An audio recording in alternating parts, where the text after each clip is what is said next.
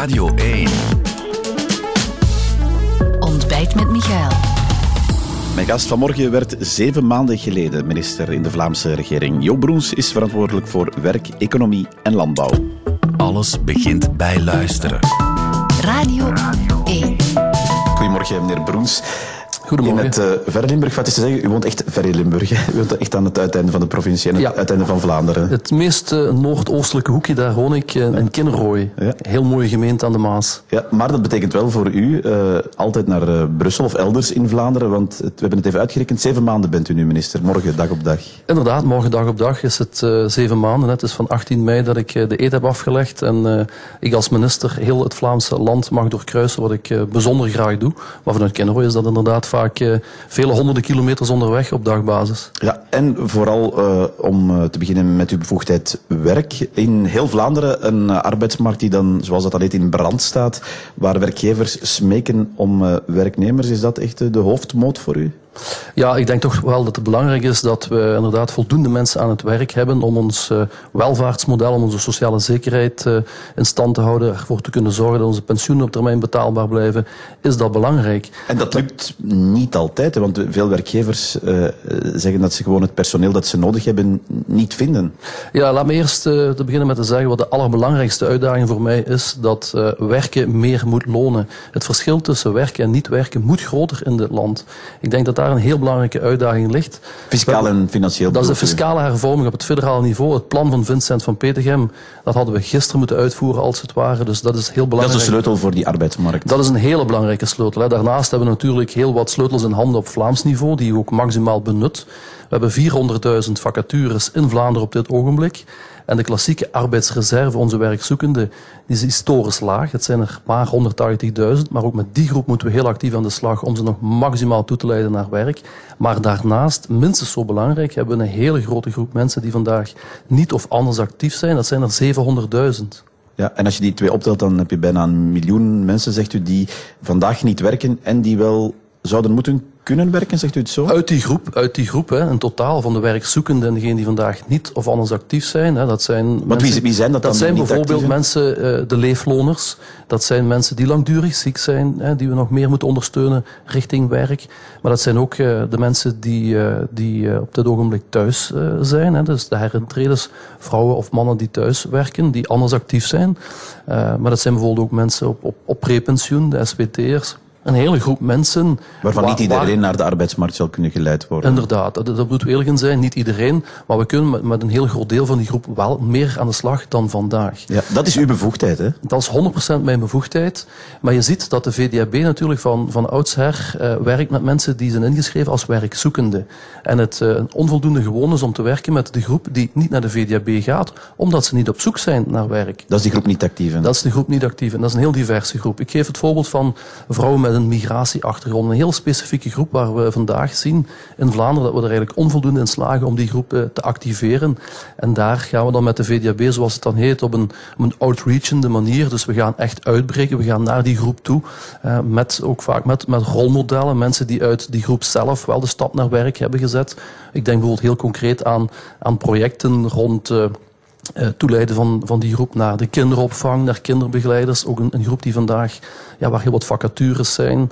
eh, samen met steden en gemeenten. Omdat steden en gemeenten vaak eh, die- ja, die groep veel beter op de radar hebben. Ze weten ehm, ja, waar die mensen ac- actief zijn of niet actief zijn. Dus dat is wel belangrijk. Ja. Ja, het is natuurlijk niet nieuw dat gegeven, hè, dat die arbeidsmarkt smeekt om arbeidskracht. Het is ook niet nieuw dat er gekeken wordt naar die, die groep eh, niet-actieven, zoals u dat dan noemt.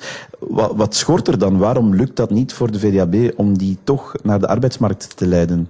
Ja, de VDAB zit nu in die, in die transitie, in die zin dat zij met, met partners, hè, dus eh, organisaties die wel gewoon zijn om te werken met, met die groepen mensen, en ik noem dan weer opnieuw de steden en gemeenten, hè, omdat de VDAB is eh, inderdaad traditioneel de, de organisatie die werkt met degenen die op zoek zijn naar werk, die ingeschreven zijn als werkzoekenden, die op de werkloosheidsuitkering staan. Maar we hebben het nu over een groep mensen die niet actief zijn, en dus ook niet op zoek zijn naar werk. Dus moet de VDAB uitbreken als het ware en naar die groep op zoek gaan in de samenleving met partners om die mensen aan te spreken, te omarmen, te ondersteunen richting werk. Dat is ook hun taak en we gaan het ook doen. In 23 hebben we een werkgelegenheidsconferentie uh, opgezet samen met sociale partners, samen met de lokale besturen en de VDAB om die, die bruggen te maken tussen die organisaties, om die groepen van mensen in de samenleving die vandaag om een of andere reden niet aan het werk zijn, maar dat, dat misschien wel kunnen, om die te ondersteunen richting werk. Ja, fiscaal-financieel zegt u is daarbij een belangrijke sleutel. Een ander element dat vaak aangehaald wordt is, moet je dat doen met een, met een wortel of met een stok? Hè? Moet, moet je echt uh, mensen, mensen bijna dwingen en sanctioneren anders, of moet je niets voorhouden? Wat, wat, welk van de twee eh, zit u, op welk spoor zit u het meest? Ja, ik denk uh, op de eerste plaats moet je mensen alle kansen geven. Alle kansen geven richting werk. En er zijn nooit meer kansen geweest dan vandaag. De vele vacatures die niet ingevuld raken, die bewijzen dat. Maar als je vandaag met de VDAB spreekt, dan zie je dat er inderdaad uh, bij de groep mensen die, die werkzoekend zijn, dat daar een groep is die na verschillende jaren alle kansen gekregen te hebben, alle mogelijke steun, opleiding, begeleiding, ja, die dan uiteindelijk uh, niet uh, aan het werk geraken. Dan moet je durven zeggen, dat werkloosheidsstatuut is dat het meest aangepaste. In die groep heb je mensen die inderdaad om een of andere reden niet willen, maar ook een hele grote groep mensen die niet kunnen om medische redenen, psychosociale redenen, armoedeproblematiek. Ook voor die groep is het bij de VDAB niet, het juiste, niet de juiste plek. Voor die groep moet je dan een ander statuut zoeken. dus de VDAB heeft één focus, toeleiden naar werk. Maar als niets lukt, geen enkele arbeidsmatige activiteit, nog sociale economie, nog arbeidszorg, dan moet je daar op zoek naar een ander statuut. Maar je laat die mensen niet los. Het statuut is dan eigenlijk niet het juiste. Het werkloosheidsstatuut is dan niet het meest gepaste statuut. Dat is inderdaad uh, onze lijn. En dan moet je inderdaad uh, andere oplossingen zoeken voor die mensen. Dat het kan een ziekteverzekering zijn, dat kan een leefloon zijn. Want de VDAB is op een bepaald ogenblik uitbemiddeld. Ja, dat is ook de reden waarom u, uw voorzitter ook, een ja. paar weken geleden denk ik, zei van we moeten die werkloosheidsuitkeringen toch beperken in de tijd. Het was wel een beetje vreemd omdat uh, in de vorige regering, federaal dan, waar dat moet beslist worden, uw partij net het omgekeerde wou.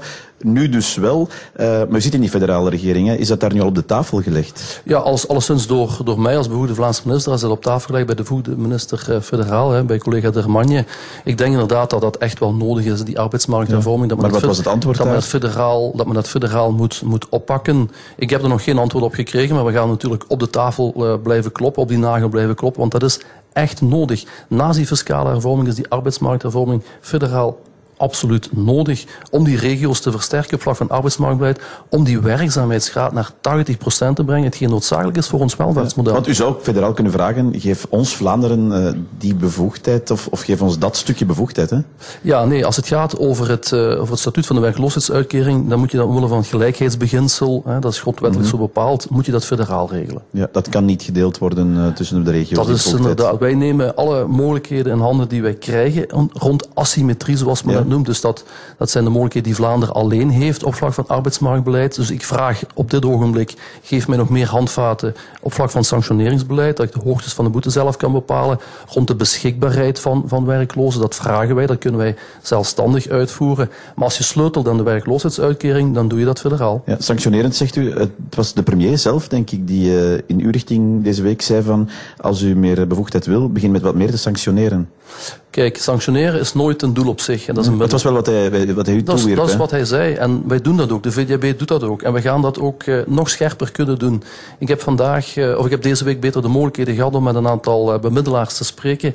En je voelt ook heel goed dat... Uh, dat zij wel degelijk een heel sterke interne procedure hebben rond het sanctioneren. Het is een verhaal van rechten en plichten. Wanneer mensen kansen krijgen tot een opleiding, taalopleiding of een andere opleiding die niet nakomen, dan wordt er wel degelijk de rode kaart getrokken wanneer dat nodig is. Maar we gaan intern die procedures nog uh, verkorten, nog aanklampender maken dan, dan in het verleden, om inderdaad uh, mensen maximaal toe te leiden naar werk. Van 180.000 mensen zijn nu in dat statuut. Zegt u, naar hoeveel moet dat gaan? Wat is het ideale getal voor u? Ja, zo laag mogelijk. Hè. Dus iedereen die wil, iedereen die kan werken, die moet toegeleid worden naar werk. Ja. Ik zag gisteren een oproep van twee parlementsleden van de NVA, uh, Maaike de Vreese en Axel Ronsen, om uh, ook Oekraïners die hier zijn, dit is natuurlijk in het leefloonstatuut dat die zitten, om die ook te verplichten. Uh, de Vlaamse regering gaat dat doen, begrijp ik. Klopt, hè, dus op datzelfde moment dat zij die woorden uitspraken, beslisten wij in de Vlaamse regering om dat te doen. En dat hebben we ook gedaan. Dus wij schrijven dus volgende week al onze lokale besturen aan die daar vandaag ontzettend goed werk leveren. Ik wil dat wel echt gezegd hebben. Lokale besturen die opnieuw na die coronacrisis echt in de bres zijn gesprongen voor al die Oekraïnse vluchtelingen. Maar om ze maximaal toe te leiden naar de VDAB. De VDAB staat klaar om die mensen richting werk te begeleiden. Ik heb uh, zelf nog als burgemeester de eerste Oekraïnse vluchtelingen mogen opvangen. En je voelt heel goed dat die mensen iets willen terugdoen, dat die willen werken van zodra ze hier geacclimatiseerd zijn. En dat gaan we nu ook doen. En we gaan ook zoeken hoe we dat kunnen verplichten. Dus dat van het moment dat ze leefloon aanvragen, dat ze verplicht zijn om zich in te schrijven bij de VDAB. Ja, dat is natuurlijk niet alleen vriendelijk vragen, dat is echt verplichten. Ja, ja tuurlijk. Dat is inderdaad ook verplichten. Hè. Ja. Absoluut. Dat is ook nodig. Om, inderdaad, om die mensen... Ja, integratie is een stukje nodig. Uh, of werk is een, is een middel om, om nog beter te integreren voor de proeven dat ze hier zijn. Ja. U gaat het verplichten, maar is de sanctie als ze dat niet doen? Ja, dat kan inderdaad op, op, dat, uh, op dat leefloon zijn natuurlijk. Hè. Dus als er een werk, uh, als je in staat bent om te werken, dan wordt die werkbereidheid beoordeeld bij het OCMW. En als er die werkbereidheid uh, niet is, dan krijg je daar inderdaad uh, een intering op je leefloon. Dat is allemaal mogelijk natuurlijk. Ja, dan zegt u eigenlijk aan die Oekraïnse vluchtelingen, als u hier niet bereid bent om te werken, dan uh, hebt u hier ook geen recht op een leefloon en bent u eigenlijk misschien ook niet welkom. Ja, dat is natuurlijk nu, nu heel kras, maar ik denk wel dat we die gestrengen aan de dag mogen leggen. En de eerlijkheid, als je, of de realiteit, als je gaat kijken naar die, naar die Oekraïnse vluchtelingen, ik heb nu die ervaring gehad op lokaal Het, het merendeel van die mensen die willen iets terugdoen. Hè. Die zijn ongelooflijk dankbaar dat we hen hier opvangen. En we moeten nu ook de mogelijkheden bieden via de OCMW's en de VDAB om die toeleiding nog, nog beter te ondersteunen. Ja, Omdat de VDAB daar specifieke trajecten voor heeft rond taal. Want taal is ja. vaak een, een, grote uitdaging. Hè. Dus wanneer moet dat rond zijn? Vandaag werken de VDAB en de OCMW's al vrij goed samen. We willen dat gewoon nog intenser maken. En de juridische basis, dat is iets voor uh, begin volgend jaar. Oké, okay. dat is uh, werk. Een, uh, een van uw bevoegdheden, een heel belangrijke. Landbouw is een andere bevoegdheid die ook hoog op de agenda staat. Heel belangrijk. Dat, ja, u komt uit de gemeente hè, waar veel landbouwers zijn verklaart dat een beetje ook dat u binnen de regering toch een beetje gezien wordt ook als dat stikstofakkoord dat er moet komen, van, van dat toch proberen wat, wat uh, bij te sturen, misschien wat uh, te veranderen, die focus? Ja, e-, eerst en vooral, uh, waarover gaat het? Hè? Europa zegt tegen Vlaanderen, tegen 2050 moet de kwetsbare natuur naar een betere staat van instandhouding. Een van de knoppen waaraan je kan draaien is stikstof om dat doel te bereiken. Moet draaien, hè? je zegt kan draaien, ja, ja, moet draaien. Moet, moet ja. ja. inderdaad. Hè. Dus moet, moet draaien. Hè, dus, want de stikstofdichtheid per hectare is in Vlaanderen en Nederland bij de grootste in, uh, in Europa. Dat wordt door niemand ontkend en zeker niet door mij niet. En ook door de landbouwsector niet. Die naast andere sectoren daar een grote verantwoordelijkheid in heeft. Dus we moeten daar inderdaad de doelen die gesteld zijn, dat zijn de juiste doelen, die reducties die moeten gehaald worden. En nu gaat het erover, hoe ga je die bereiken? De weg daar naartoe, dat is het debat. Maar debat kader, dat is toch een afgesloten akkoord, dat is toch geen debat meer, dat is toch een akkoord, die weg? We hebben bezwaren gehad, we hebben 20.000 bezwaren gehad. Die moet je goed analyseren, daar moet je goed naar kijken. Wat staat daarin? Wat staat daarin? Want dat is cruciaal. Wil je komen tot een vergunningenkader dat standhoudt, dat niet slag om slag weer opnieuw wordt aangevochten bij een rechtbank. En als je die bezwaren niet ernstig bekijkt, ja, dan kan je nooit tot een robuust juridisch vergunningenkader komen. Dat is, mijn, dat is mijn punt. Ja, en dan is mijn vraag van, wat, wat beschouwt u dan het akkoord dat er nu is uh, wordt dat eigenlijk onderuit gehaald door al die bezwaren? Of is dat de basis en zijn die bezwaren het punt om dat wat, wat bij te sturen? Wat bij te sturen? Ja, ik denk inderdaad dat in het, in het huidige akkoord de doelen heel duidelijk zijn. Hè. Die, worden, die worden niet door mij in vraag gesteld. De vraag is alleen, hoe bereik je dat? Ik geef u een mooi voorbeeld. Op een bepaald ogenblik uh, werd gezegd, de, de varkenssector moet 60 procent... Uh, stikstof reduceren. Dan ontstond er een debat, moet je dat doen op stalniveau of op bedrijfsniveau? Het oorspronkelijke akkoord zegt op, op bedrijfsniveau, of excuseer, op stalniveau. Da, ja, daarvan leidt het nu inderdaad beter. Als je landbouwers ziet als ondernemers, dan moet je ook dat vertrouwen geven om die doelstellingen op het niveau van hun bedrijf te realiseren. Zij kunnen dat. Zij moeten die 60% realiseren op bedrijfsniveau en niet op stalniveau. Dat zijn van die voorbeelden die naar voren komen uit de debatten in het kader van de bezwaren, die nu ook in de toekomst op tafel zullen komen uh, wanneer we verder gaan spreken over het stikstofakkoord. Ja, dat is over de volgende weken, maanden echt. Ja, inderdaad. Dat is, dat is heel actueel, hè, want de, die bezwaren die zijn door de bevoegde departementen uh, zo goed als allemaal verwerkt, uh, naar, naar ik begrijp. Dus dat gaat op, op heel korte termijn gaat dat debat terug starten. Ja. ja maar, maar durft u hier open en bloot zeggen van ja, dat gaat ook betekenen, dat stikstofakkoord, dat er landbouwbedrijven, rode bedrijven zijn, die zullen moeten sluiten? Dat zal zo zijn. Dat, uiteraard, dat is inderdaad een, een, een, gevolg daarvan. En er zijn een heel aantal bedrijven die dat al verschillende jaren weten. Maar er zijn ook bedrijven die vandaag nog in onzekerheid leven. dus de lijst van rode bedrijven die is opgesteld op basis van gegevens van 2015. Als je daarna nog investeringen gedaan hebt die tot een reductie hebben geleid, vergund, ja, dan moet je daar rekening mee houden. En dat, dat betekent die actualisatie van die lijst. En dat is ook iets wat uh, in de schoot van de regering uh, ook wel zal gebeuren. Ja. ja en zegt u nu eigenlijk van, ik, ik hoop of ik vermoed dat het aantal rode bedrijven, dat dat door die bezwaren ook zal afnemen? Of, of is dat niet noodzakelijk het gevolg? Dat zal inderdaad het gevolg kunnen zijn. Hè. Als je die lijst gaat actualiseren op basis van de huidige gegevens, dan lijkt het mij realistisch dat die lijst uh, kleiner wordt dan ze vandaag is. En toch moet er uh, die stikstofuitstoot gereduceerd worden? Uiteraard. Uh, het gaat maar, als we spreken over die rode bedrijven, dat gaat over op dit ogenblik een lijst van een veertigtal bedrijven. Als die kleiner wordt, dat is niet de impact van die vele duizenden andere bedrijven natuurlijk. Hè. Dus de grote inspanningen uh, die tot reductie zullen leiden, die, gaat door iedereen, uh, die gaan door iedereen moeten gebeuren ja. natuurlijk. Hè. Is, is dit het, het grote mogelijk struikelblok uh, voor binnen die Vlaamse regering? Ja, ik verheel niet dat dit een heel, heel groot dossier is. Hè. Dat is een heel ook complex en technisch dossier, maar ook heel belangrijk voor de toekomst van, van zowel natuur als voor landbouw. En daar zit die grote uitdaging. Dat nieuwe evenwicht vinden, die nieuwe harmonie vinden tussen landbouw en natuur. En dat is waar ik voor ga. Ik geloof heel sterk in die lokale veilige voedselproductie. We hebben de meest performante landbouw in Vlaanderen. Die is uniek in de wereld, op technologisch, op innovatief vlak. En die moeten we ook in de toekomst alle kansen geven. En die natuur, die natuur en dat dense Vlaanderen, ja, die moet naar een betere staat van de standhouding. En dat gaat samen, wat mij betreft. Ja, u, u komt daar zowel Demir natuurlijk op uw pad tegen, die trouwens in, in uw provincie ook, ook uh, ja, de mooiste tegenover uh, ja. u zal komen te staan bij de verkiezingen, waar u toch duidelijk niet op dezelfde lijn zit. Hè. En, en een paar maanden geleden nog maar heeft uw partij het onderspit moeten delven in, in een ander uh, debat over die kinderbijslagen. Um, kan dit tot hetzelfde leiden, dit, dit, dit debat? Ja, ik ga altijd uit van een, uh, van een akkoord. Hè. Dus ik ben iemand die heel positief is ingesteld. Maar nogmaals, ik besef dat het bijzonder moeilijk is. Maar ik denk ook dat uh, de collega's in de Vlaamse regering uh, het met mij eens zullen zijn dat wij uh, die stikstofreductie moeten realiseren. maar dat we daar ook wel oog moeten hebben voor de toekomst van die, van die Vlaamse landentuinbouw. Die, die ja, nogmaals heel performant is, heel sterk is. En als we vandaag naar de uitdagingen in de wereld ja. kijken, onze energieafhankelijkheid, we mogen niet voor ons voedsel te afhankelijk worden van het buitenland. Die strategische autonomie is, is cruciaal. Ja, u zegt, ik, ik, ik wil dat akkoord, maar u staat ook op uw lijn. Uh, is dit u een, een nieuwe rel binnen die Vlaamse regering waard, als, als uw coalitiepartners dat anders zien? Ik ga uit van, uh, van een akkoord. Ik ga uit van, van grondige, stevige onderhandelingen. Dus ik ga daar niet verder op, op vooruitlopen. Dus ik ga niet uit van, van doemscenario's. Nee, u zegt een akkoord komt er. Een akkoord moet er komen. Ja. En binnen die Vlaamse regering, hoe is die sfeer daar nu, de, na, na die, die andere rel die er wel was? Ja, ik verwijs graag naar de akkoorden die ik op zeven maanden tijd heb, heb kunnen maken. Hè, in heel moeilijke dossiers, hè, die vaak wat weinig aandacht hebben gekregen. Ik verwijs naar de pachtwet, een vrij archaïsche oude wetgeving, al 50 jaar niet meer aangepast. Wij zijn erin geslaagd op een paar maanden tijd, maar dank aan de collega's in het parlement ook uh, een nieuw evenwicht tussen landbouw en natuur.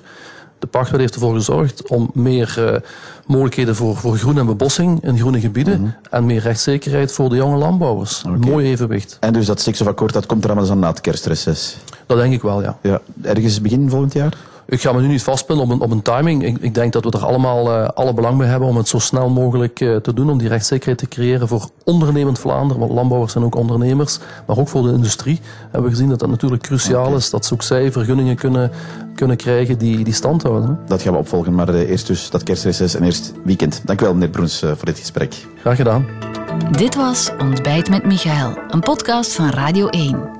Ontdek nog meer podcasts van Radio 1 in onze app en op radio1.be.